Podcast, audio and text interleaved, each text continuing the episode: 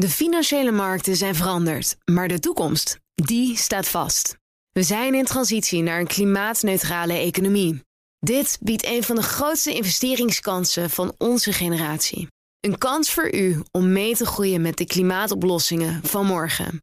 Meer weten? Ga naar carbonequity.com. Carbon Equity. Do good by investing better. Welkom bij de Technoloog nummer 152. Ja. Ja. En dit is een hele bijzondere, want we gaan het hebben over muziek. Music. Hoi Ben trouwens. Ja, Herbert ook welkom.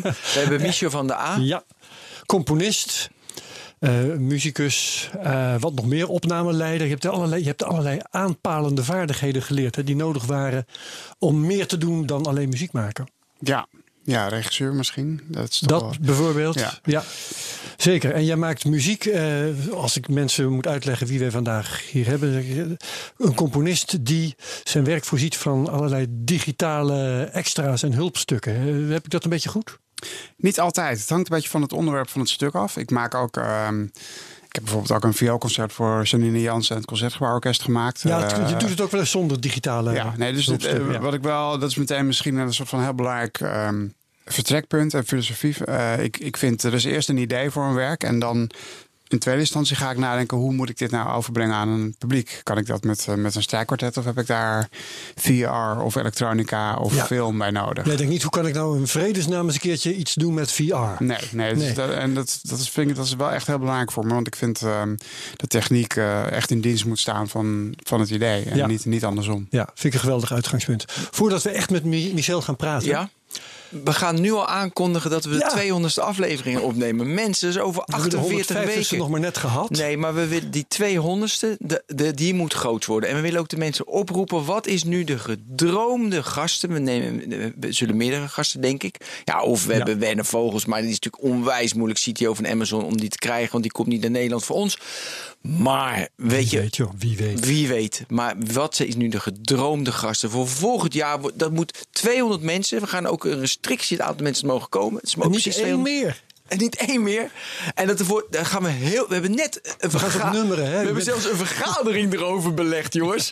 Dus, ja, dus het wordt een groot event. Dit wordt een project. Ja. Ehm, maar vertel ons dus wie je wil Ja. dat wij uitnodigen voor de 200ste. Of was het ook weer 3 oktober eh Eh, ja, in de week- 2020? of ja, in- in de week Begin van- oktober in elk geval. Ja, de laatste week september, dat is dan de 28 of zo. In die week is het. Dus 1 oktober is ook die uitzending, is die donderdag. Dan Dat komt hij live. Mooi, dus de 200. Eh, vertel ons dat. Elon op- Musk misschien? Ja, maar het is Engels. Ik heb, moeten ik heb heel veel wensen. Weet je, ik heb echt Engelstalig. Heb ik er tientallen die. Nederlander uit Nederland. Maar- Althans, we nemen het op in Nederland. We Ja, gaan, ook, gaan ook niet klungelen met eh, Nee, lijnen, met lijnen, en skypen. gra- en, mensen nee. aankijken. Er moet gewoon iemand komen. Dus Eh, Twee of drie mensen mag. Maar ik geloof dat Elon Musk in eh, drie maanden Chinees heeft geleerd. dus hij kan ook Nederlands dat bluft leren, hij, toch? hè? Van jullie, eh, dat doet hij wel voor ons. Ja, dat doet hij. Dat Dat, doet hij bluft hij. Hey, en ik vind ook wel mooi, weet je, alle, weet je, het moet natuurlijk een groot event worden. Dus ik, ik, ik heb gezien wat je met E doet. Daar gaan we zo allemaal over hebben. Muziek, podcast. Ik zie, Michel, ik zie het helemaal zitten. Jaar, je bent al geboekt. Nee. Luister, ehm, vertel ons wie Ja, jouw gedroomde ja, gast precies. Is. serieus. Via gast. Twitter, de technoloog. Ja, Dat wij zijn benieuwd. Nou, Michel, ehm, waarom zit jij hier? De aan- aanleiding, nou, we gaan over van alles hebben wat je doet. Maar de aanleiding is dat je dit, deze zomer op het Holland Festival stond met een, eh, een toen nieuw werk. En dat heet Eet. En dat was voorzien van VR. Nou, dat kunnen we via de technoloog niet overbrengen natuurlijk. We gaan natuurlijk wel linken naar allerlei dingen waardoor je dat kunt waarnemen. Maar eventjes voor de aardigheid een eh, stuk eh, muziek daar vandaan. En ik ga dat proberen een beetje fatsoenlijk in te starten, zodat we er niet al te erg van schrikken. Hier komt het.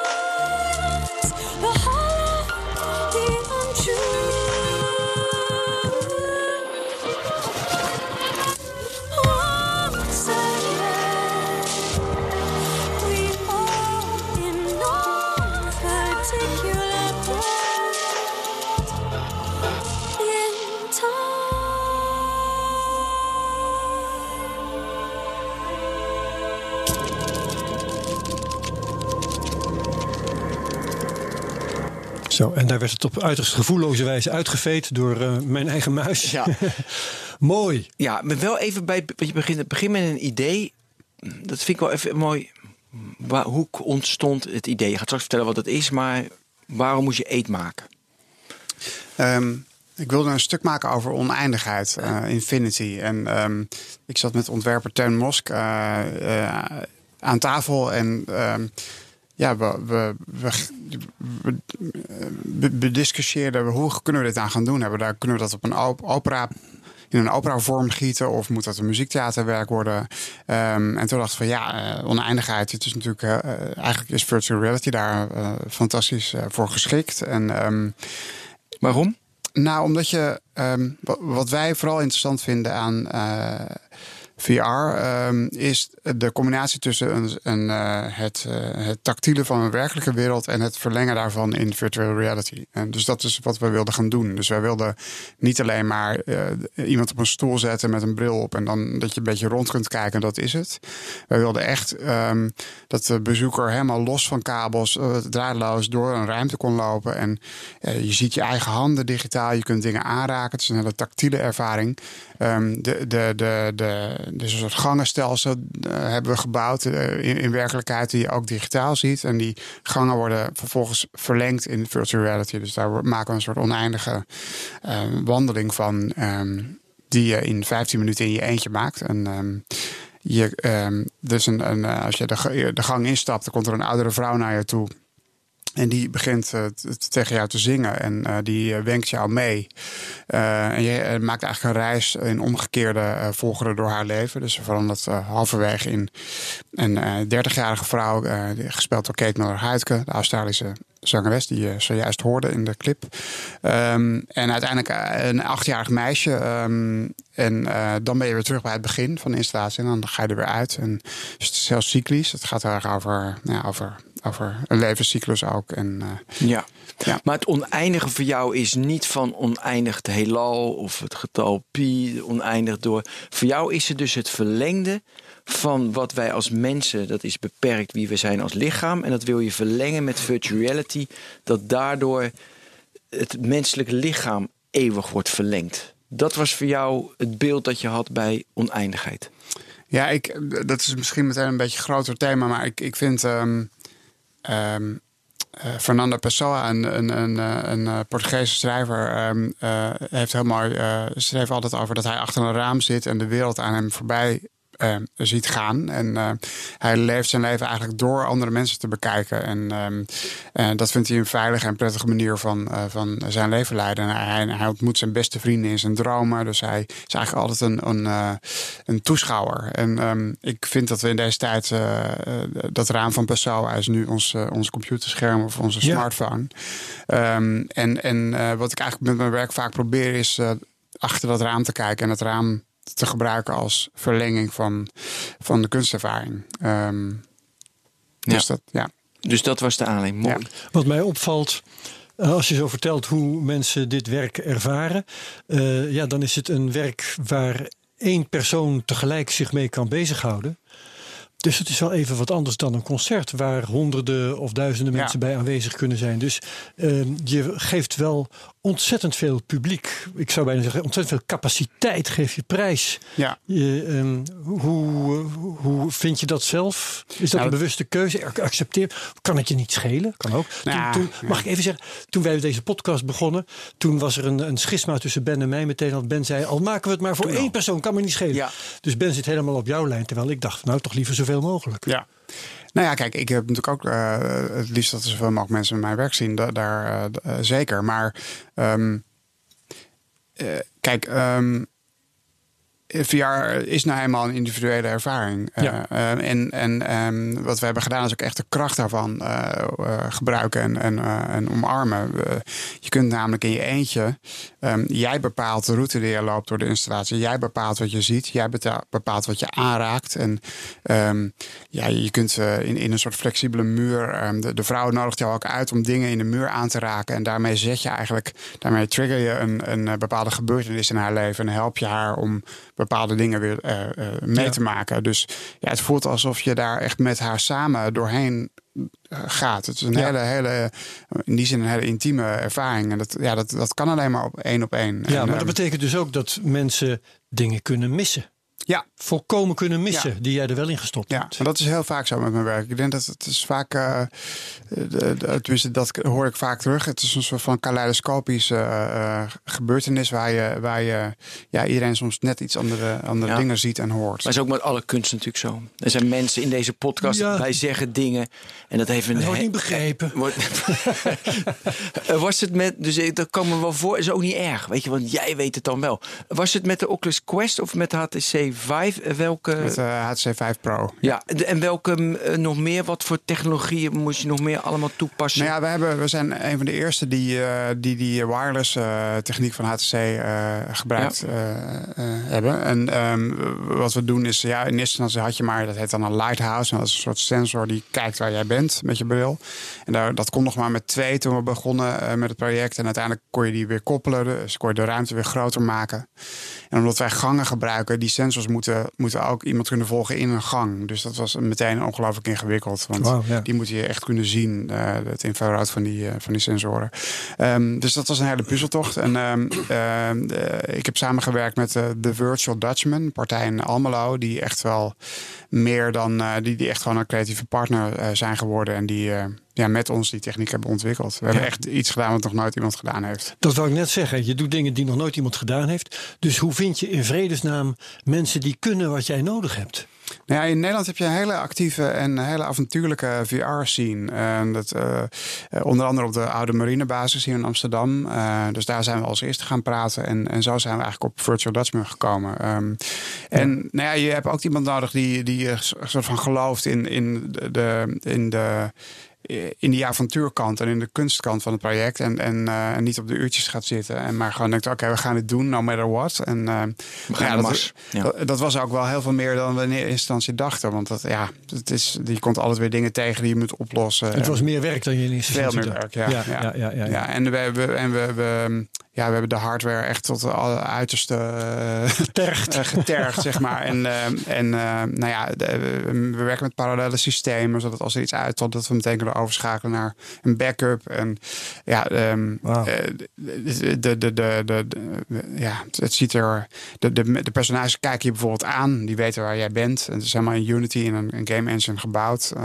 want als een publiek niet achter de vrouw aanloopt, maar een andere kant op loopt, hebben, moeten wij een antwoord hebben. Dan moeten ja. wij onze verhaallijn aanpassen. En ja, uh, moeten we eigenlijk de, het gangenstelsel zo uh, op een bijna Ashleyaanse manier aanpassen. dat je weer op hetzelfde punt uitkomt ja. waar, waar we je willen hebben. Dus dat... Daar zeg je wel iets uh, heel interessants. Want um, in alles wat ik gelezen heb. ik heb natuurlijk niet alles gelezen wat er bestaat over jouw werk. Um, maar ik was tot nu toe helemaal het woord gaming niet tegengekomen. Terwijl ik zelf wel dacht van. Dit, het heeft veel gemeen met bepaalde games. Jij gebruikt het woord verhaallijn en dergelijke. Mijn vraag is dan ook: uh, heb jij ook mensen uit de gamingwereld geplukt om je te helpen? Um, nou, Virtual Dutchman heeft ervaring met, met games. En, okay, uh, um, ja. uh, Uh, en we hebben bijvoorbeeld een 360 foto van de, van de personages laten maken door, door een bedrijf dat ook heel veel uh, game characters developt. En, um, dus daar zitten ze allerlei raakvlakken. Ja. Maar het verschil is wel dat. Um, nou ja, dat, dat, dat, dat de esthetiek en de ethiek van, het, van uh, de ervaring wel wezenlijk verschilt met, met de, die van een game. Want ja, wij we beantwoorden niet alle vragen. En dus het is eigenlijk het is een, een veel abstractere ervaring. Nee, maar, maar is eet uit te brengen als een soort game. Dat zou voor jou ook, uh, daar gaan we ook nog over hebben, een verdienmodel kunnen zijn. Um, maar los daarvan, meer verspreiding van je werk. Zou nou, je hebt een fysieke ruimte nodig van de installatie. Want je hebt het gangenstelsel nodig uh, zonder ja. dat. Dus je kunt het niet in je huiskamer doen. Nou ja, je zou ook met een joystick je kunnen bewegen. Uh, ik probeer je maar te helpen. Ja, nee, maar je hebt ook toch in Amsterdam-Noord van... Uh, weet je, dan ga je in virtuality uh, van die uitjes... en dan ga je ja. schieten of zo, weet je. Je kan ook een, ja. een, een, een kunstuitje doen. Nou, weet ik veel. Ja, maar dat doen wij natuurlijk. Als wij de installatie ergens opbouwen, ja. dan, dan hebben ja, we... maar dat is eigenlijk... kunst. Oké, okay, dan doe je het. Ja, je hebt gelijk. Ja. waar, waar liep je technisch... Weet je, je had een, een, een idee oneindigheid, dat dacht je in virtuality, vind ik nog steeds een hele aparte kronkel. Maar goed, weet je, dat is mooi kronkels.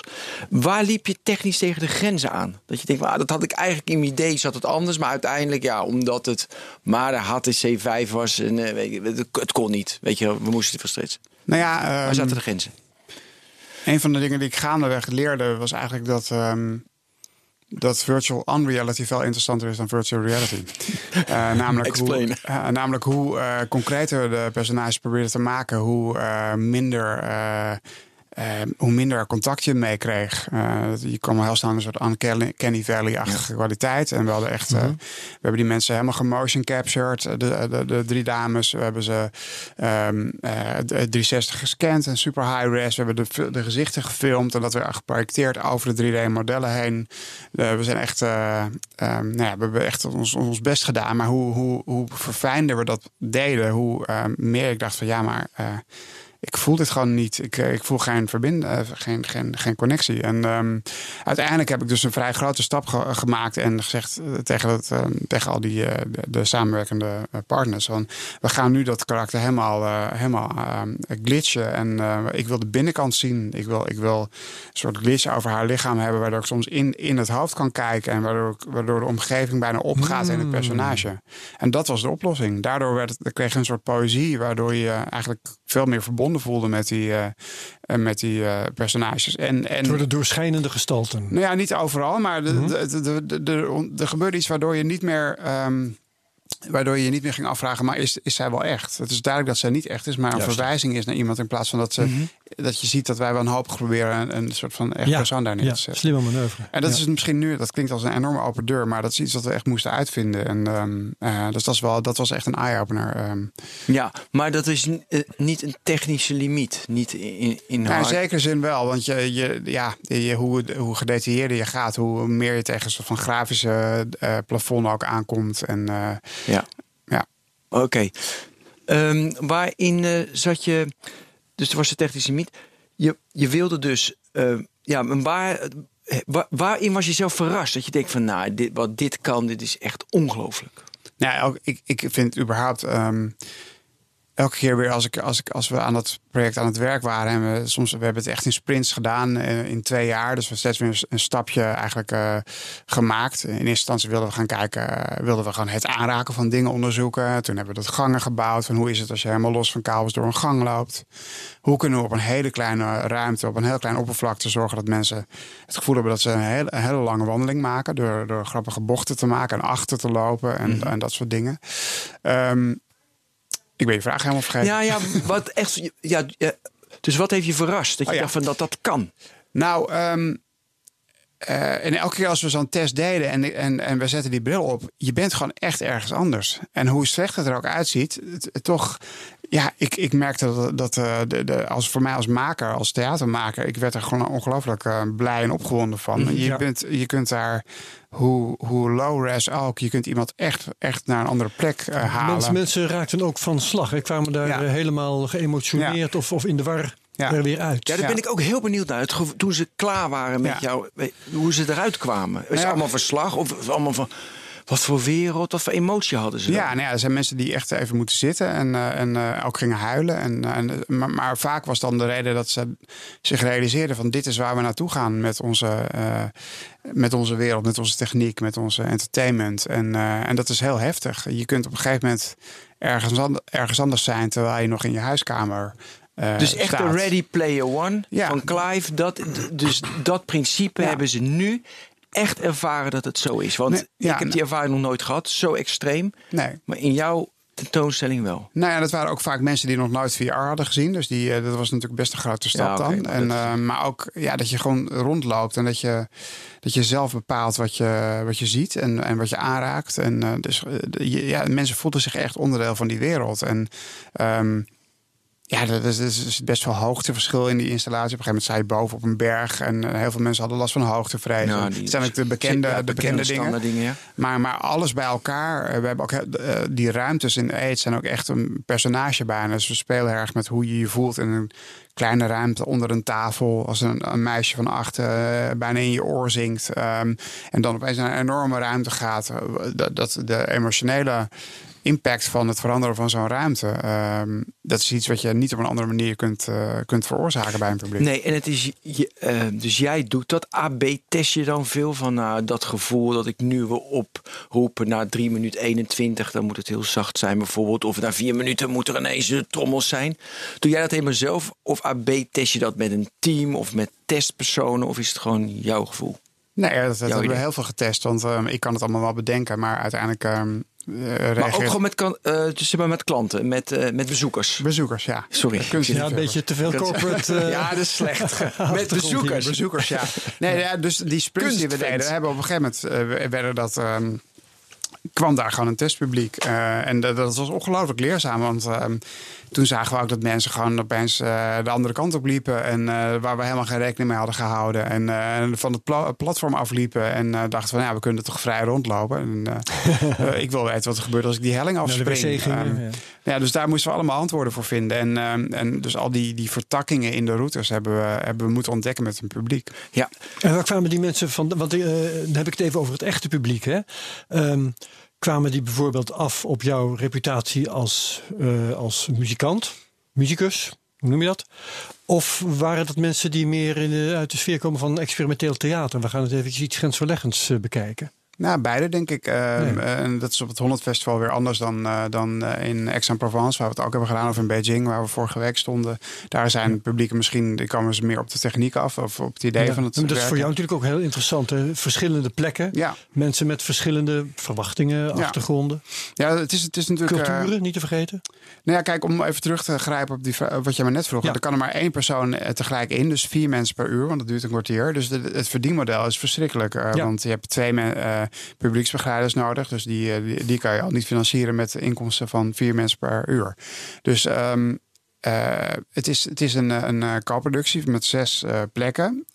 En op die manier, dat is eigenlijk de enige manier waarop je zoiets kunt doen. En, ehm, Zes plekken bedoel je, zes plekken waar het wordt vertoond. waar het wordt vertoond, maar die hebben ook meebetaald aan de ontwikkeling van het werk. En, ja. en in zekere zin meebetaald om, die, om de uitvoeringen ehm, ehm, financieel mogelijk te maken. Dus dat is Amsterdam, Aix-en-Provence, Beijing, Helsinki, Hannover. we gaan naar Australië nu in, in maart. En dat is natuurlijk super tof. En dan krijg je ook. eh, ja, dan, krijg je, ehm, dan kan je gaan onderzoeken hoe de verschillende publieken daarop reageren. En eh, Ja, en heb je zulk onderzoek gedaan? Heb je daar al een idee van, een Ja. resultaten van? Ja, want we, krijgen, we vragen de, de publieksbegeleiders om, eh, om eigenlijk na elke bezoeker in één regel even op te schrijven hoe men het vond. Ja. Wat natuurlijk, een- ja, dat is een hele eh, gave manier van. eh, van, eh, dus aan het einde van de dag kunnen wij eens een document teruglezen van de 40 of 50 mensen die het die dag gezien hebben en kijken wat er gebeurd is. Wie is er, wie is er weggelopen? Want als je het niet aan kan, dan steken ze hun hand omhoog en dan word je eruit gehaald. En dat gebeurt ook twee, drie keer per week. Ehm, En waarom dan? En, dus dat, geeft ons heel veel dramaturgisch inzicht. Ja. Oké, maar vertel dan maar, als iemand eh, zich terugtrekt, dit, dit trek ik niet, waarom dan? Ja, vaak zijn ze ofwel bang of hebben extreme claustrofobie of extreme hoogtevrees of, of, vinden Ja. het gewoon, eh, of kunnen het gewoon niet aan. Ja, de gevoelens te veel, dat kan Ja, toch ook? ja, dat overweldig je, je Ja. existentiële bestaan wordt eenmaal in de waagschaal gelegd. Wie ben ik? Dat is toch wat wordt opgeroepen. Ja. In de oneindigheid of the grand themes of the things. Nou, je moet je voorstellen, je loopt, ehm, je krijgt eerst instructie en dan, dan loop je eh, 10 meter naar de ingang van een gang waar uit het, uit de duisternis die oude vrouw eh, opdoemt en naar je, jou aankijkt en tegen je gaat zingen. Nou, voor heel veel mensen is dat eigenlijk al Tranen. te ver. Dus Ja. eh, heel veel mensen, of heel veel, een, aantal mensen ja. stoppen, eh, stopt eh, dan. Ja. Ja. Ja. en wat vinden mensen er verder van? Ja, we hebben het geluk eh, dat, we dat het is heel goed ontvangen. We hebben prachtige recensies gehad. Ehm, en ehm, kijk, niet iedereen, eh, niet iedereen wil, gaat mee. En voor sommige mensen is, is het. ehm, het is bij mijn werk vaak zo dat mensen, eh, zeg maar, die wat. die wat meer over de technologie kunnen heen stappen. eh, eh, meteen eh, met het verhaallijn meegaan. En meteen met, met, het, eh, met, met de muziek meegaan. En op het moment dat je nog iets moet vinden van die techniek. Of van de plek van die techniek in, in de kunst. Dan, heb je, dan is er een soort drempel waardoor je ook niet echt meegaat in het werk. Dat zijn een beetje de, de, de verschillen tussen de digital natives en de, en de wat meer oldschool analoge Ja. eh, bezoekers. Moet, dus je moet juist de techniek toch vergeten? Precies, maar alle jongen, al, iedereen onder de 40 zeg vergeet maar, die, die, die denkt daar maar niet na over. Oh, die, eh, en die oude, die oudjes, die, oh, ik heb een, ik heb nu Ik heb een helm op. Nou, niet, Ja. het is nog ineens altijd leeftijdgebonden. Want je hebt eh, Nou, mensen van eh 70, 80 die totaal eh, Ja. gefascineerd waren. Dus het hangt erg van je, van je, Ja. Maar zijn er belangrijke verschillen tussen Europa en China bijvoorbeeld? Dat fascineert mij dan weer. Ja, nou in China waren er heel veel, heel veel jongeren. Eigenlijk vooral een heel jong publiek. Ehm, En, ehm, en eh, in Aix-en-Provence zijn er, uh, we, hadden, we zaten in een museum op Château Lacoste, heel mooie wijn, wijn hoe noem dat? winery. Um, ja. En daar zijn ook veel collega kunstenaars op afgekomen. Um, dus dat was, dat was een veel eigenlijk een chiquer publiek. Um, en de reacties waren daar ook heel, heel, heel, heel goed. Eh, dus ik, ik, uh, ja, in Australië zullen er heel veel mensen uh, voor Kate Miller Hart daar naartoe gaan. Die willen haar 3D in virtual reality zien. En, is het bij de Biennale in Sydney? Want die is toch iedere uh, Adelaide Festival. Oh, Adelaide Festival. Ja. ik wil, is dit nu het beste? Dat, is, dat fascineert mij, de Ready Player One principe dat we in de virtuele wereld laten leven. En ik, ik las toevallig gisteren dat de, de baas van PlayStation, de AI en machine learning baas van PlayStation, ook zegt hè, dat het gewoon Ready Player One over 50 jaar. Internet bestaat 50 jaar deze week. En over 50 jaar, hij zegt ook Ready Player One. Is dit nu, in de, ja, dat kan je niet helemaal inschatten, maar ik wil even het gevoel krijgen. Het beste voorbeeld van je leeft echt in een virtuele wereld en it's, het doet veel met je. De, die wereld is mooier, beter of, uh, of enger dan de realiteit. Of kan je het niet inschatten?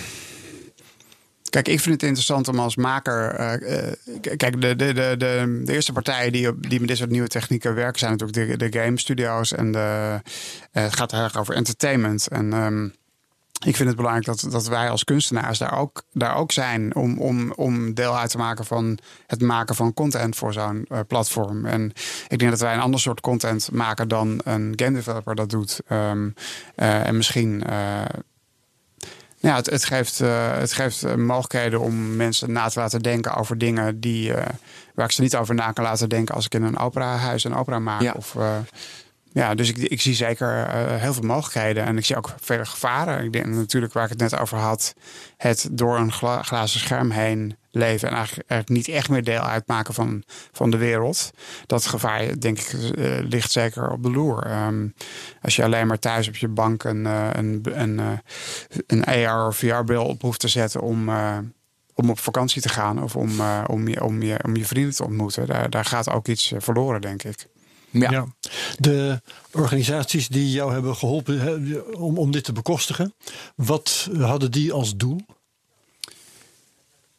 Nou, die vinden, die vinden, denk ik, eh, wat ik net zei, die vinden het belangrijk dat zij uh, ook op dit gebied uh, als, als, present, als presenting partner, als, als, als uitvoerende partij betrokken zijn. Dus, dat ze, hoe, hoe heet dat, voeling houden met wat er ja, gebeurt aan de grenzen van, van de kunst op dit moment. Ja. Ja. En ik ben niet de enige die ermee bezig is. Uh, Abramovic heeft Ja, maar wel de beste ben je. Dat, dat, moeten we ook even constateren met z'n allen. Dat weet ik niet. Ik heb niet alles gezien. Ik wil graag hebben over de elementen waardoor die immersive experience weet je, wordt verhevigd. Dus wat doe je met geluid? Weet je, ben geluidsman. Wat moet je dan doen? Of in beeld, weet je, met gevoel. Hoe zorg je dus dat ik het idee heb van, nou, ik zit in een, in een, in, in een parallele universum, mm -hmm. Ja, geluid is daar natuurlijk uh, en muziek is uh, daar heel belangrijk voor uh, bij. Um, de, de, de, personages zingen. En die kijken jou aan en zingen tegen je. En um, we hebben die, de audio vaak in 360 graden opgenomen. Dus, dus op een gegeven moment komt het Nederlands Kamerkoor om jou heen lopen. Die halen jou zeg maar in aan twee kanten van een doorzichtige muur. En die, die gaan a cappella een koorpartij zingen. En als jij leunt naar een van de zangers, hoor je die, uh, die zanger luider worden. Nou ja, dat is, dat, is moeilijk uit te oh. leggen. Uh, dat is een enorme overweldigende ja, ervaring. Ja. Dus geluid heel veel. En in beeld heb je nog bepaalde aspecten dat je denkt, nou als je dat doet of dat doet of dat doet, dan werkt het als een tierenlier op, de, op het menselijk brein. Nou ja, wat we, wat we dus, uh, waar, waar we dus een beetje achter kwamen, is dat uh, dus het, de, de abstractere werelden veel interessanter waren dan de, ja, de concrete werelden. Dus op het moment dat wij, ja, dus, op een gegeven moment sta je op een soort platform en dan uh, vliegen er rotsblokken om je heen en er wordt een soort grot om je heen gevormd. En wat we hebben gedaan is dat we die rotsblokken hebben we 2D gelaten. Dus je kijkt op een gegeven moment naar de achterkant van een platte rots. En dat cirkelt om je heen. En dat was veel magischer dan dat we die rotsen helemaal pixelnauwkeurig probeerden na te maken. En dat, dat, dat spelen met. Uh, ja, met, met uh, op een beetje MC Escher-achtige manier met werkelijkheid. Dat is super interessant. Helemaal als je erin staat. En uh, dat is iets wat je nog nooit gezien hebt. En dat, dat, dat ik, als ik een nieuw VR-werk maak, dan is dat eigenlijk een richting die ik verder wil, wil onderzoeken. En ben je dat van plan? Zeker, ja. ja. Nee, Ja. het hangt van het idee af. En of dan VR het meest geschikt is om dat idee uit te dat idee heb ik al. Dat idee je zelf. Ja? ja, ja. Vertel eens, of was het Ja, dat kan ik niet vertellen. Nee, dat dacht ik al. ja, maar ik vind je idee ook wel, ja, oneindigheid. Ja, is dat een idee? Nee, dat is het vertrekpunt. Ehm, en dan. eh, En dan komt die vrouw, die levens van die vrouw Ja, in, ja. ja, in verschillende fases. Dat is dan. Maar het Ja. is wel een heel spannend voornemen. Want je hebt net uitgelegd dat dit eh, zakelijk eigenlijk helemaal niet uit kan. Behalve dan dat er een paar organisaties waren die eh, zeiden... nou, laten we dit maar eens proberen. Want dan weten we tenminste wat er, wat er te koop is. ja. Ehm, als ik zo'n organisatie was, dan zou ik zeggen van... nou, dat weet ik nu dus. En de volgende keer eh, probeer ik weer eens wat anders. Dus ga jij dit een tweede keer voor elkaar krijgen? Nou ja, de, we- Zoiets met zo'n moeilijk verdienmodel. Het zal makkelijker worden omdat we eten hebben gedaan. En dat heeft, heeft een bepaalde mate van, eh, van eh, geslaagdheid. En, nou ja, eh, jawel, maar als, als ik jou goed begrijp, eh, je hebt net verteld over de eh, motieven die de sponsors hadden, ja. dan gelden die nou niet meer, of wel? Nee, nou, ik, ehm, ik zou het ook wel interessant vinden om een werk te maken wat, wat je wel inderdaad in je huiskamer kunt zien. Dus achter, Ah, je, achter je PlayStation 5 Ja, ja. En, Dan wordt het anders. ja. Oké, en dan kan je hem gewoon kopen. Zo, ja, de- nee, ik ja. het nu al. Wow, wat gaat dat worden? Nee, je hebt namelijk. Dat zit al met zijn checkboek in de hand. Ja, nee, maar nee, het is namelijk zo mooi. Weet je, het komt uit uit dezelfde hoek, weet je, de gamers. En het is zo mooi als een componist met uit een andere hoek, die, die heeft andere ideeën. Dus dat, Ja. Ja, het wordt natuurlijk een super weird arty Ja. ding. Wat niemand, eh, wat maar drie mensen en mijn moeder gaan, eh, gaan ja kopen. maar, wel gewoon maar goed, 999 euro. Precies. Ja, oh, Wat voor nieuwe vaardigheden ga je voor je volgende werk moeten leren? Ja, ik ben nu een opera aan het maken over ehm, mind uploading. Ehm, Oh, En ehm, daar, eh, daar, eh, de zangers krijgen daar een, eh, een, eh, een pak aan die alle bewegingen ehm, live eh, vastlegt. En we gaan een soort van digitale versie van de zangers maken die, die zij zelf live bedienen en, en live zingen. En, gaaf. ja. interessant. Dus, ehm, nou even, dus ze gaan wat zij doen op het podium. Dat weet nog niemand trouwens. Het is, een, het is de, de primeur. Ben benieuwd. Voor het eerst in de geschiedenis van Nee, de het, is, het is nog Maar geen mogen we de- 200ste uitzending, maar toch. Nee, maar mogen we het uitbrengen? mogen tuurlijk, we dit ja, verder... ja. Ja. Verder nieuws? Het is opgenomen, dus... eh, kunnen Nee, maar het zou, we kunnen het ook klein houden. Maar nu weet gewoon, morgen is gewoon... gewoon eh, op, jij komt op 101. Ben ik echt teletext. Zit jij nou in teletext-termen te denken? Tuurlijk man, ik denk alleen maar in tele... Nou, dat is echt, nee, maar dat is echt... Ik kijk dus echt vier, vijf keer per dag op teletext. Hè, want Oh, ja? ik vind nu echt niks. Ik, vind, ja, ik wil gewoon even snel het nieuws. Nou, aan het onderwerp. Nee, maar dit is belangrijk. Dus op het podium, die, de mensen van de opera. Je filmt ze. Dus je hebt een, een, een beeld van parallel dat ze, ze maar virtueel zijn. En dan?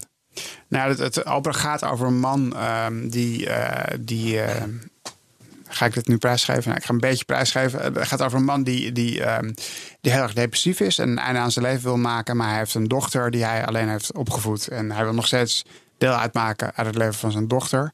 Ehm, en bestaat zich in een, in een ehm, eh, hele experimentele kliniek in Zwitserland eh, te laten uploaden. En ehm, dan zien we in de opera eh, ja, het resultaat daarvan. En we, en we maken stapjes terug in de tijd.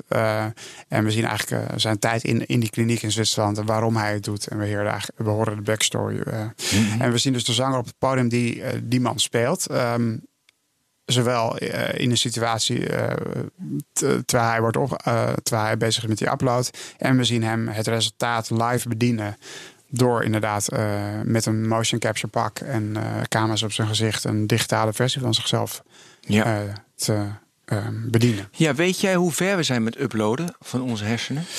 Ehm, nou ja, de, de, de- eh, volgens mij is de Europese, is in Europees verband werken ze volgens mij aan het scannen van een hersen van een rat. Ehm, ehm, en dat gaat nu steeds sneller en sneller zijn. Eh, er wordt veel over geschreven en er wordt veel gewaarschuwd. En ik denk dat we wel op een punt zijn dat, eh, lees ik, dat, eh, dat men vindt dat we daar een soort van ethische eh, vragen en, en beslissingen over moeten nemen. Van hoe, hoe gaan we daarmee om als het kan? En als je iemand kunt klonen en je hebt een digitale versie van iemand, wat zijn dan de rechten van zo'n digitale kloon? Als je die delete, dan pleeg je eigenlijk digitale euthanasie. En kan dat zomaar? En wie bepaalt dat? En nou ja, dus dat zijn allemaal vragen die we in de opera ook proberen te beantwoorden. Of Ja. in ieder geval te stellen. Ja. Fascinerend. Ja. Maar jij, jij begon hierover toen ik vroeg wat voor eh, nieuwe vaardigheden heb je nodig. Dan heb ik zelf even gemist. Misschien heb ik niet goed opgelet. Wat zijn die vaardigheden dan Nou, het, precies? het live bedienen van een digitale eh, eh, versie van die man op het podium, dat is Ah, iets zo. wat, wat nog niet ja. gedaan is. Je ziet wel eens bij, we moeten het weer over gaming hebben, maar op Gameburst dat, dat een, een, een zanger dan, of een zanger, een, een, een persoon, een, een character uit die game probeert live op een. Eh, op het podium eh, na te spelen. Maar dat is altijd heel erg laggy. Er zit heel veel vertraging in. En, ehm, wat wij willen doen is dat het echt eh, heel strak gebeurt. Dus dat iemand echt in sync zingt. En ook zich verhoudt tot de zangers en het ensemble die daar live zijn. Dus echt, echt real-time interactie heeft. Ja, ja, ja. Jij bent begonnen, als ik het zo mag zeggen. Misschien ga je me corrigeren als, als muzikus. Wanneer ben je erachter gekomen en hoe ben je erachter gekomen dat je al deze extra dingen aan je muziek wilde toevoegen?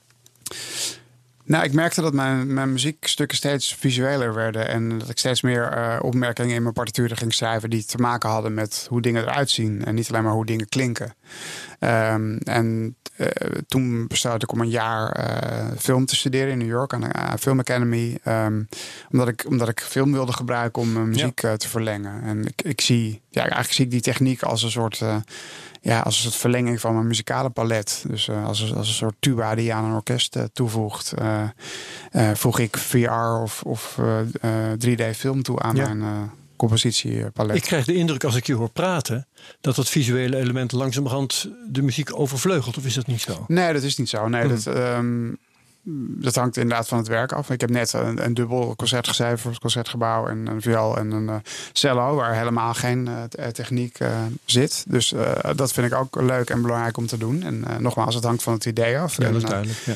Eh, volgens mij, als ik alleen maar opera's zou maken met heel veel techniek, dan zou ik vroeg sterven, denk ik. Want het is super stressvol. dus ik vind het wel fijn om, om, ehm, ja, om, om ju- juist die variatie vind ik heel fijn. Oh ja, dat, dat complexe digitale gedoe, eh, zeg ik maar even heel denigerend, dat is eigenlijk ontspanning voor jou?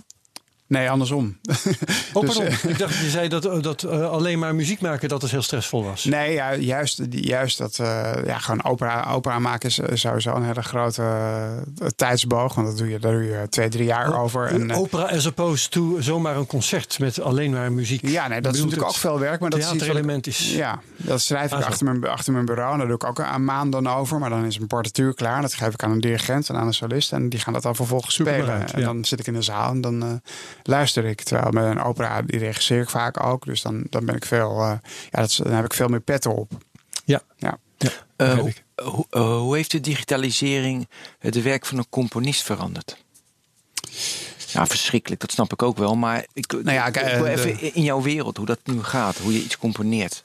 Nou ja, de, de, de, de uitgeverijen. Vroeger had je echt een uitgever, uitgever nodig die jouw werk. Uh, je, je, maakt dan een handgeschreven partituur. Dat gaf je aan een uitgever. En die gaan dan daar de partijen van maken. Dus uh, die, die, koppelen de, de, de, de, balken van al die instrumenten los. En die uh, zijn partij voor de viool, voor de tuba, voor de, trombone.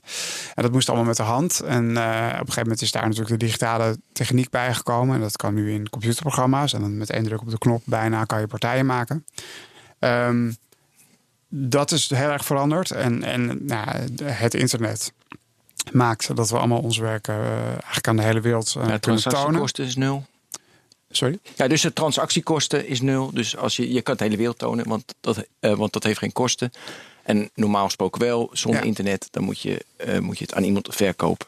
Nou, je bent je eigen, eigen, je kunt heel makkelijk je eigen label ja. beginnen en je muziek digitaal uh, uitbrengen op allerlei platformen. Um, dus dat, dat is allemaal veel makkelijker geworden. En uh, daarmee is er ook een enorme veelheid aan, uh, aan werken te horen en aan, aan componisten te vinden. En dus het wordt dan weer heel ingewikkeld van hoe zorg je ervoor dat je gehoord en gezien wordt. En, ja. en daar heb je dan toch weer de uitgever voor nodig die, die daarbij helpt. En alle tonen zijn inmiddels wel gemaakt.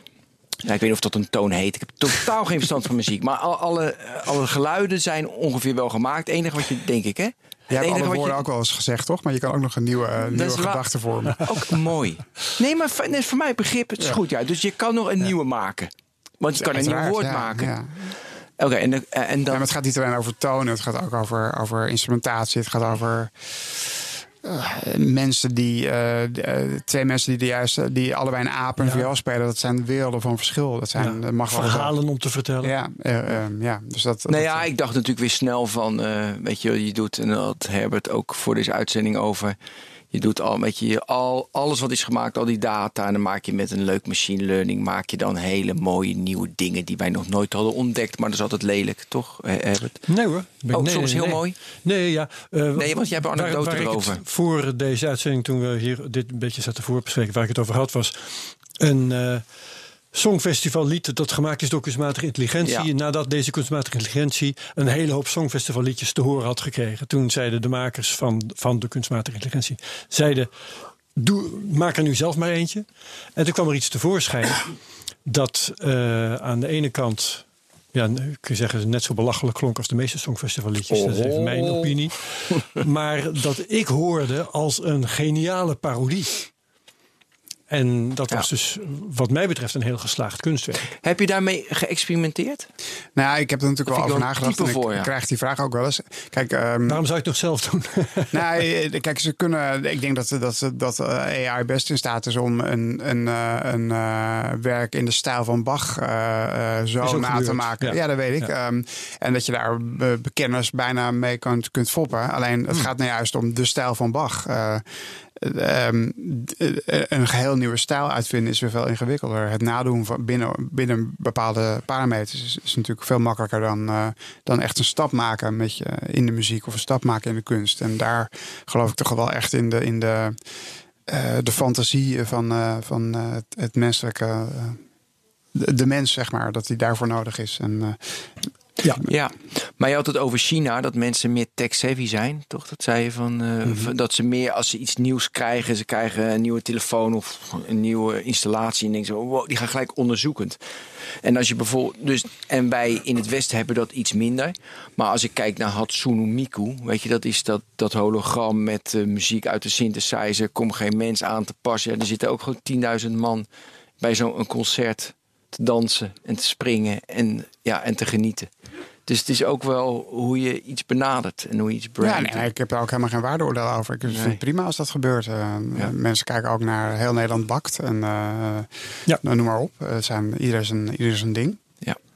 Maar goed, er is natuurlijk, je kan zeggen ieder zijn ding is prima, maar je hebt wel iets wat beter is en iets wat slechter is. We moeten niet zeggen alles is relatief. Nou, dat, ja, dat is een heel ingewikkeld gesprek. Dat gaat, Oh nou, dat wil ik dan dat graag. gaat, gek op, ja. dat gaat over hoge, eh, of je eh, vindt dat er hoger, hogere kunst en lagere kunst is. En daar ben ik toch, eh, ik vind dat heel Ja, ingewikkeld. maar als Eh, 99% van de mensen de Mona Lisa een mooi schilderij vindt, natuurlijk ben jij bij die ene procent die het echt lelijk vindt. Dat snap ik, dat snap ik, dat snap ik. Maar ja, dan kan je niet zeggen van dat, dat is een slecht kunstwerk. Want ja, als 99% het goed vindt, ga, ga dan maar mee met de massa. Nou oké, maar die, je kunt eh, voor de Mona Lisa staan en daar heel erg ontroerd door raken. Maar jouw, jouw zoontje kan ook een tekening maken waar je heel erg ontroerd van Ja. bent. Dus het gaat heel erg over context en over jouw, Ja. jouw referenties, jouw residu, eh, eh, het residu van jou en jouw leven. Ja, ik heb een andere vraag. Ehm, kun jij me iets vertellen over actief content consumeren en passief? Dus ik denk heel erg aan dat binge-watchen met Netflix, maar dan met, eh, met virtual reality dan moet je actief zijn. Kan je iets vertellen over het publiek? Zie je daar een trend in, hoe mensen daarmee omgaan? Kun je daar iets over zeggen? Ehm, Wat je zelf ervaart als kenner. Nou, ik denk, de, ik ben heel erg. eh, ik denk dat, dat we een heel klein beetje eh, het actieve luisteren en het, actieve kijken aan het kwijtraken zijn. En of dat we daar in ieder geval voor moeten oppassen. Ehm, eh, en ik ben heel erg, eh, ik hou erg van binge-watchen. en ik denk dat eh, HBO en Netflix voor, eh, voor een groot deel interessanter eh, eh, content maken dan de filmstudio's in Hollywood al heel lang. En eh, dus dat is echt een verschuiving. En die verschuiving zorgt ook dat wij onze, de manier, de, onze t- tijdsboog eh, heel erg aanpassen. En Ja. Ik sprak daar ooit over met David Mitchell, een schrijver van onder andere Wolkenatlas. Die zei dat sinds, sinds er film is, eigenlijk de roman heel erg is veranderd. En dat je als, als schrijver daar een antwoord op moet hebben. Want mensen ervaren tijd heel anders, ervaren een, een eh, verhaal aan de boog heel anders. En dat, dat gebeurt nu ook weer met Netflix. Ik denk dat je de manier waarop je je, je content eh, bekijkt en de, en de, de, als je vier uur ehm, ehm, eh, Succession kijkt, dan ja, die series worden ook zo gemaakt. Dat zijn geen losse boogjes meer per aflevering. Dat zijn, dat zijn gewoon. Men gaat ervan uit dat jij Ja. grotere bogen maakt. Ja. En ik denk dat je als kunstenaar daar ook.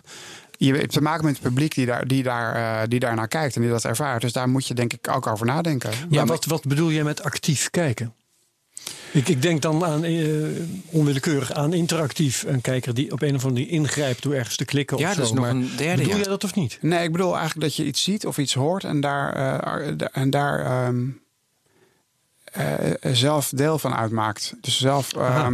Maar dat is eh, dus bij HBO en Netflix helemaal niet het geval. Jawel, dat want jij kan, eh, kijken. jij kan heel erg. eh, je, ja, je, je, je kan je laten meevoeren met iets en je kan daar de- tegelijkertijd. ehm, ja, het is een ingewikkeld gesprek, maar je, Nee, ja, maar, maar- je bent zelf onderdeel van zo'n. Van, van, het gaat erover of je jezelf als luisteraar of kijker onderdeel maakt van het verhaal, de muziek of eh, het kunstwerk waarnaar je kijkt. Ja, want ik begon met de vraag, dus dat is ook even de achtergrond van die vraag. Kijk, naar mijn idee heb je, want je voegt er eentje toe, heb het, naar mijn idee. Kijk, je hebt gewoon passief, je ligt onderuit. Weet je, je laat het over je heen komen. Je neemt af en toe iets op of niet. En je vindt het hartstikke mooi, ja prima. Weet je, dat kan je met muziek doen, dat kan je met binge-watch doen, Netflix, alles. Dat neemt naar mijn idee toe. Ja, vroeger maakten we met z'n allen muziek, gingen we zingen, dus was je actiever. Nou, de tweede is, dus een graad is van, hey, ik kijk een documentaire, ik zoek af en toe iets op, ik zit erin, ik zit in die film, ik praat erover, je bent actief betrokken bij die film of dat kunstwerk. Dan heb je jouw hele virtual reality wereld, Dus dan ga je voelen aan wanden, weet je, je zit helemaal, het is heel erg immersive. En dan heb jij nog, een, het is eigenlijk hetzelfde met interactief, dat je meedoet. Ja. Nou, dat is zo een, een, een, een lijn. Het neemt dus toe wat ik zei, passief. Jij met je kunstwerken bent er heel erg interactief bezig. Want je zegt net, ik, vind dat het passief wordt. En ik, je draagt dus bij aan de, aan de actieve stijl van kunst tot je nemen. Aan de interactieve Ja, ik je vind nemen. dat kan ook zo zijn met een, met een VL-concert en een concertgebouw. Ja, eh, als je in een stoel zit. Dus Ja. het gaat erover of je, of je, of je meegaat met. Of, of, of, je, of eh, het werkje aan je bij je kraag grijpt en meeneemt in eh, meeneemt. Eigenlijk. En, en ehm, nou ja, ik denk dat we dat, dat en da, dat daarom denk ik ook. eh er wordt er wel eens aan mij gevraagd. Denk je dat eh, concerten en zo allemaal gaan, eh, gaan verdwijnen als we toch alles op YouTube kunnen zien en digitale concerthalls hebben? En, en ik denk het heel erg dat, dat juist ehm, dat er heel erg behoefte is aan het met elkaar meemaken van zo'n ritueel, van in zo'n ruimte zijn en naar een concert gaan. En ehm, ik merk ook dat. ehm, ja, we hadden eh, vorige, eh, vorige Holland Festival eh, grote Stockhausen Secrets Licht. Waar eh, de vier dagen achter elkaar urenlang eh, een, een, een heel groot werk van Stockhausen werd uitgevoerd. En je ziet dat daar heel veel mensen ongelooflijk eh, eh, enthousiast over raakt. Ook jongeren die gewoon die zoiets willen meemaken. En voor, voor hen is het interessanter dan, eh, dan eh, misschien dan in het concertgebouw een Mahler eh, eh, eh, symfonie horen. Ja. Dus de, de behoefte aan bijzondere dingen meemaken met elkaar, zo'n ritueel met elkaar meemaken. Alle festivals toch? De populariteit van festivals. We zitten de hele dag in, in het scherm en het tegenhangen is dat Ja. met z'n allen een groot event moeten Ja, hebben. ja. Of de Olympische Spelen of het Ja. voetballen op zondagmiddag. Nou, nou ben jij voortdurend bezig nieuwe dingen te bedenken. Ehm, en dat leidt tot eh, nieuwe vormen. Waarvan jij net hebt uitgelegd in het geval van Eet dat dat eh, nou, dan een, op zijn minst een ander verdienmodel heeft. Misschien mag je zeggen een moeilijker verdienmodel. Ehm, nou, je bent- je een bepaald de- deel van de tijd ben je bezig al die mooie nieuwe dingen te bedenken. Welk deel van je- je tijd ben je nu bezig met bedenken hoe laat ik me hier in godsnaam voor betalen? Dat Want oude verdienmodellen eigenlijk. werken dan niet meer. Nou ja, dus ik, ik, kijk, eh, eh, ik heb, ben een stichting begonnen een paar jaar geleden, die mijn eigen werk, eh, waarmee ik mijn eigen werk produceer. En Double A heet die. Ja, Ja. Ehm, en daarmee proberen we ehm, ja, eh, samen met een agent en een uitgever gewoon genoeg partijen per project eh, eh, eh, te interesseren om, om mee te betalen. Om Die stichting is jouw manager als het ware. Nou, ik heb ook ik heb, eh, ik heb een zakelijk leider en ik heb, ik heb een agent. En, en, en met z'n allen doen we dat eigenlijk. Ehm, en eh, dus vroeger lag dat misschien meer bij een opdrachtgever. Dan eh, kwam een partij naar jou toe en die zei van... eh, ik wil dat jij nu een opera gaat maken. Terwijl wij, wij, wij nemen eigenlijk dat initiatief. En daardoor zijn we veel eh, vrijer om te doen wat we willen. En eh, dat is natuurlijk een enorme bevoorrechte positie. Ja. En soms lukt dat en soms lukt dat niet. Dus het kan ook wel dat ik... eh, Soms duurt het heel lang voordat ik een project financieel rond heb. Omdat Wat is bijvoorbeeld niet gelukt? Vertel eens. Nou, tot nu toe, eh, het, het zit niet in niet lukken, maar meer een enorme vertraging. Dus dat je dan weer, nou ja, dat, dat het gewoon veel langer duurt om alles bij elkaar te krijgen. En, Mhm. en dat je uiteindelijk misschien ook wel weer de, eh, ingehaald wordt door de tijd en, en je idee weer een beetje moet aanpassen. Ja, maar noem eens een voorbeeld als je wilt, eh, wat dan heel moeilijk was. Of doe je dat liever niet? Ehm, nou, tot nu toe eh, heb ik wel alles kunnen maken wat ik wilde maken. Maar, maar nogmaals, wel, wel met vertraging vaak. Eten heeft ook, eh, hadden we ook al eh, twee jaar daarvoor willen doen. Maar de techniek was nog niet redelijk. Dat was klaar. eentje die redelijk Ja. was. En de opera die ik nu aan het maken ben, is ook, is ook een jaar weer uitgesteld. Omdat het gewoon, ja, we hebben tijd nodig om het bij elkaar te krijgen. En ook om, Ja. om het technisch te ontwikkelen. Ja, oké. Nou ben jij een pionier. Heb je navolgers? Ehm, ehm, ja, eh, ik denk dat heel veel, heel veel jonge, de hele jonge generatie componisten eh, is ook bezig met beeld en is ook bezig met eh, film en video. En er gebeurt enorm veel op het moment. Ja. Hartstikke leuk. Maar zo- zoals je het zegt, klinkt het alsof ze dat doen ze niet speciaal omdat jij de weg wijst. Nee, nee Deze ik, ik toch zie mezelf ook zeker niet als wegwijzer. Ik, Nee. eh, ehm, en ik geloof ook helemaal niet dat het werk wat ik maak een soort van werk van de toekomst is. Ik, het is meer dat ik, ik maak dit omdat ik het nu zo wil maken. En over tien jaar, misschien schrijf ik alleen maar eh barokke opera's over tien jaar. Dat zou heel goed kunnen. Ja, Eh, zonder techniek. Ehm, dus eh, dat, voor mij is het gebruik van techniek niet meteen een soort van toekomstproof principe. Ik, ik denk dat je, nogmaals, het gaat om het idee. En het idee Ja.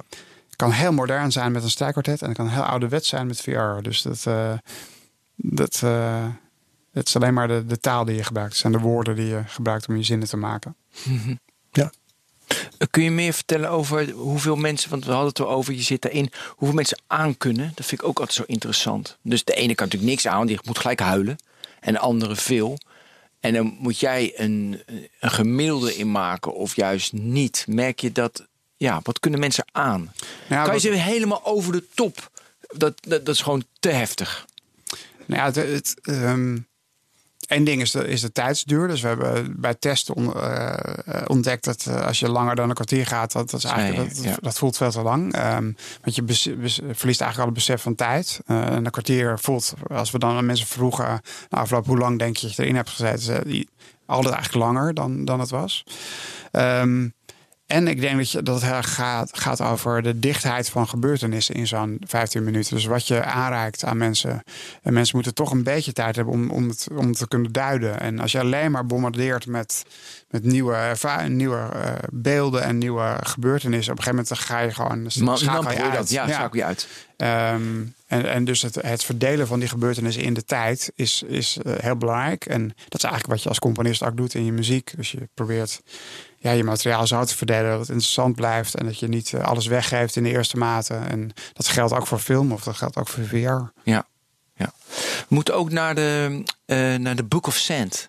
Book of Sand. .net. Want er is zelfs een app van. En die app heb ik op mijn telefoon. Ja. Ehm, ja, dat was, dat was eh, gesponsord door Google zelfs. Hè? Ja. Ja, Leg, leg even uit wat dat voor een werk is. Want het heeft te maken met een, eh, met een eh, boek dat door eh, eh, Jorge Luis Borges is geschreven. En het heeft iets met een on- oneindig boek te maken. ja weer oneindigheid. Ehm, Het was een opdracht van het Holland Festival in 2013, 2015. hè? Ja. 13 was Oh, het ik, 13? ik, ik heb staan 2013, maar jij weet het vast beter. Volgens mij was het 15, Oké. maar ik, ik vergis me soms ook. Ehm, zij, eh, er was een nieuwe, eh, nieuwe directeur bij het Holland Festival, Ruth, McKenzie. En zij wilde heel graag een digitale tak opzetten voor het festival. Om, zeg maar digitaal ook eh, publiek te vinden. En dit was het eerste project eigenlijk. En zij vroeg aan mij, kan jij iets bedenken... Kan je een opera bedenken in episodes of zo? Iets wat het publiek dan kan downloaden? Of kan je iets bedenken wat we digitaal kunnen presenteren? Ehm, dus daar heb ik lang over nagedacht. En ehm, eh, ik vond eigenlijk, eh, nou ja, ik vind digitale content alleen interessant als je, als je, als je jezelf daartoe kunt verhouden. Dus als je interactie eh, hebt daarmee. Dus kwam het idee om een soort digitale liederencyclus te maken. Waarbij je zelf je weg door het verhaal moet zoeken. En ehm, dat hebben we gedaan eh, door een website te maken.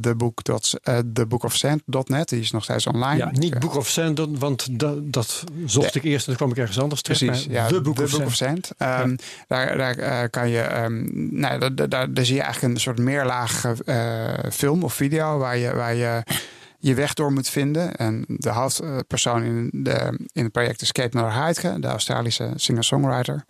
Ehm, die uh, zingt in elke videolaag dezelfde tekst. Maar, het zijn drie lagen, hè? Ja, het zijn drie lagen. Maar um, elke wereld heeft een andere begeleiding. Dus een van de werelden heeft een a cappella koorbegeleiding. Eén is een abstracte elektronische laag.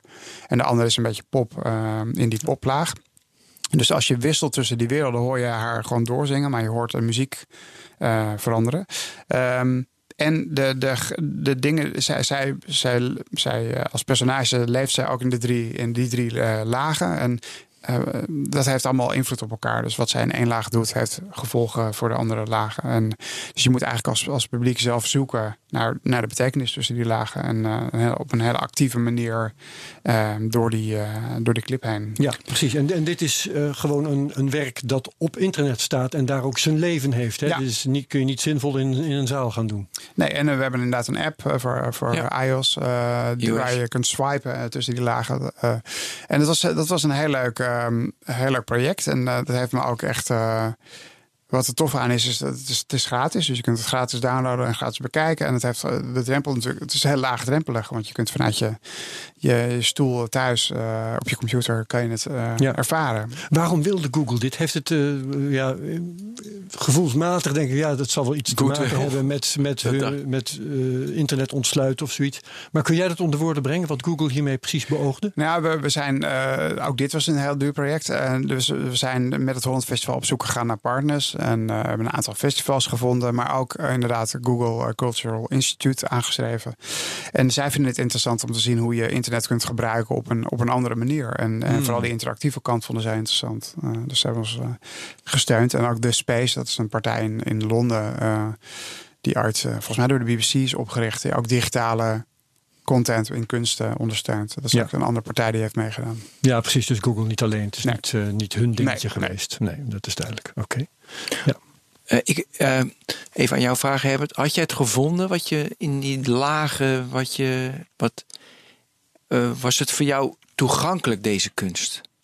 Um, ik denk niet dat ik de, de bedoeling zoals Michel die nou net onder woorden nee, brengt, ook, ja, dat ik die ik, er zelf uit heb gehaald. Voor mij was het ook te moeilijk.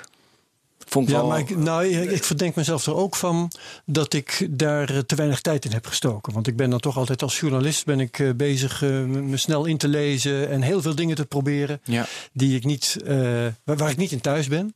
Weet je wel, dus dan heb ik meer uiteindelijk aan het gesprek met de maker dan ja. aan het doornemen van alle, op een toch te oppervlakkige manier van allerlei dingen die ik online heb gevonden. Ja, dus we ik toen, steek ook de hand in eigen boezem wat dat betreft. We hebben toen we de site, toen die online ging, hebben dat is het mooie van de internet is natuurlijk dat je data kunt tracken en kan kijken ja. hoe mensen ja, hoe lang. Ja, ja, ja, ja. Um, en dat was heel leerzaam. Dus we kwamen er eigenlijk achter dat Um, ten eerste is het is echt in heel veel landen bekeken. En bijna echt all over the world, zou ik maar zeggen. Um, met wel een paar zwaartepunten in Europa en de Verenigde Staten en Japan. Maar um, wat we zagen is dat mensen eigenlijk op twee manieren doorheen gaan. Ofwel, men kijkt uh, mensen die heel weinig wisselen en gewoon heel één laag kijken, de volgende laag kijken, dan de volgende laag kijken. Of mensen die als een soort. Um, nou, een soort uh, manische debiel uh, ja. heel erg snel er doorheen klikken. Dat was ja. ik. um, en het is ook zo, na twaalf minuten loopt het. Dus dan ga je, het is ook een heel cyclisch ding. Dus ja, je kunt, je kunt eeuwig doorgaan. Ja. Maar dat, is, dat was een beetje, er was, zat heel weinig tussenin. Dus je hebt het niet aangepast, hè? Niet van, nee. dit was kunstwerk. Maar, nee, ik, ik, zal ook vertellen hoe ik daarnaar kijk. En dat, dat is dan ook wel interessant, denk ik. Um, ik ga kijken. Uh, oh ja, wacht even. Als je naar die andere laag gaat, ze zingt gewoon door. En je komt in een andere op. Goh, hoe zouden ze dat gemaakt hebben? En dan klik ik weer terug. En, uh, en dan ga ik naar die volgende laag. Weet je wel? Dus ik zit daar op een beetje een analytische manier oh ja. naar te kijken. En vergeet dan helemaal op de inhoud te letten. Nou, ik heb dus juist van. Dat effect kun je ook hebben. Alleen maar wat wil. Waarom is dit? Waarom, waarom maakt de maker dit zo? Wat is zijn bedoeling? Wat wil hij ermee? Mm -hmm. Ik mis een laag. Shit, ik mis dat. Wat wil hij? Alleen maar zo. Ja. Maar, ja, dat maar het is juist interessant. Ik kwam er niet achter. Dus. Ja, goed, dat is dus die spiegel, uh, ja. uh, de, de, de, glazen plaat waar je achter hebt gekeken. Ja, ja, ja. ja. ja. Mooi. En ik moet misschien dat boek van Borges nog lezen. Maar ja, nou, wat mooi is aan die tekst van Borges is dat uh, hij um, binnen, binnen zijn verhalen eigenlijk een soort hyperlinks maakt naar andere verhalen. Dus hij is, het is bijna een voor, voorganger van het internet. dus dat leent zich er ook erg voor. Ja, ja, ja. ja. Goed. Oké. Okay. Volgens mij moeten we We stoppen. hebben hem, Herbert. Dankjewel. Michel van der A, heel bedankt. hartelijk dank. Ja, leuk. Veel succes met je werk. Nou, Dankjewel. Kom een keer kijken en eh, ja, eh, kom een keer terug Ja, als je volgende project af is. doe ik. Leuk. Bedankt alvast. heel fijn. Herbert bedankt. Ben Ben van den bedankt. Burg bedankt. Tot de volgende technologie. Luisteraars bedankt. Tot de volgende keer.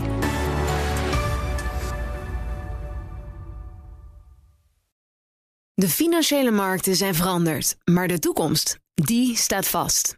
We zijn in transitie naar een klimaatneutrale economie. Dit biedt een van de grootste investeringskansen van onze generatie.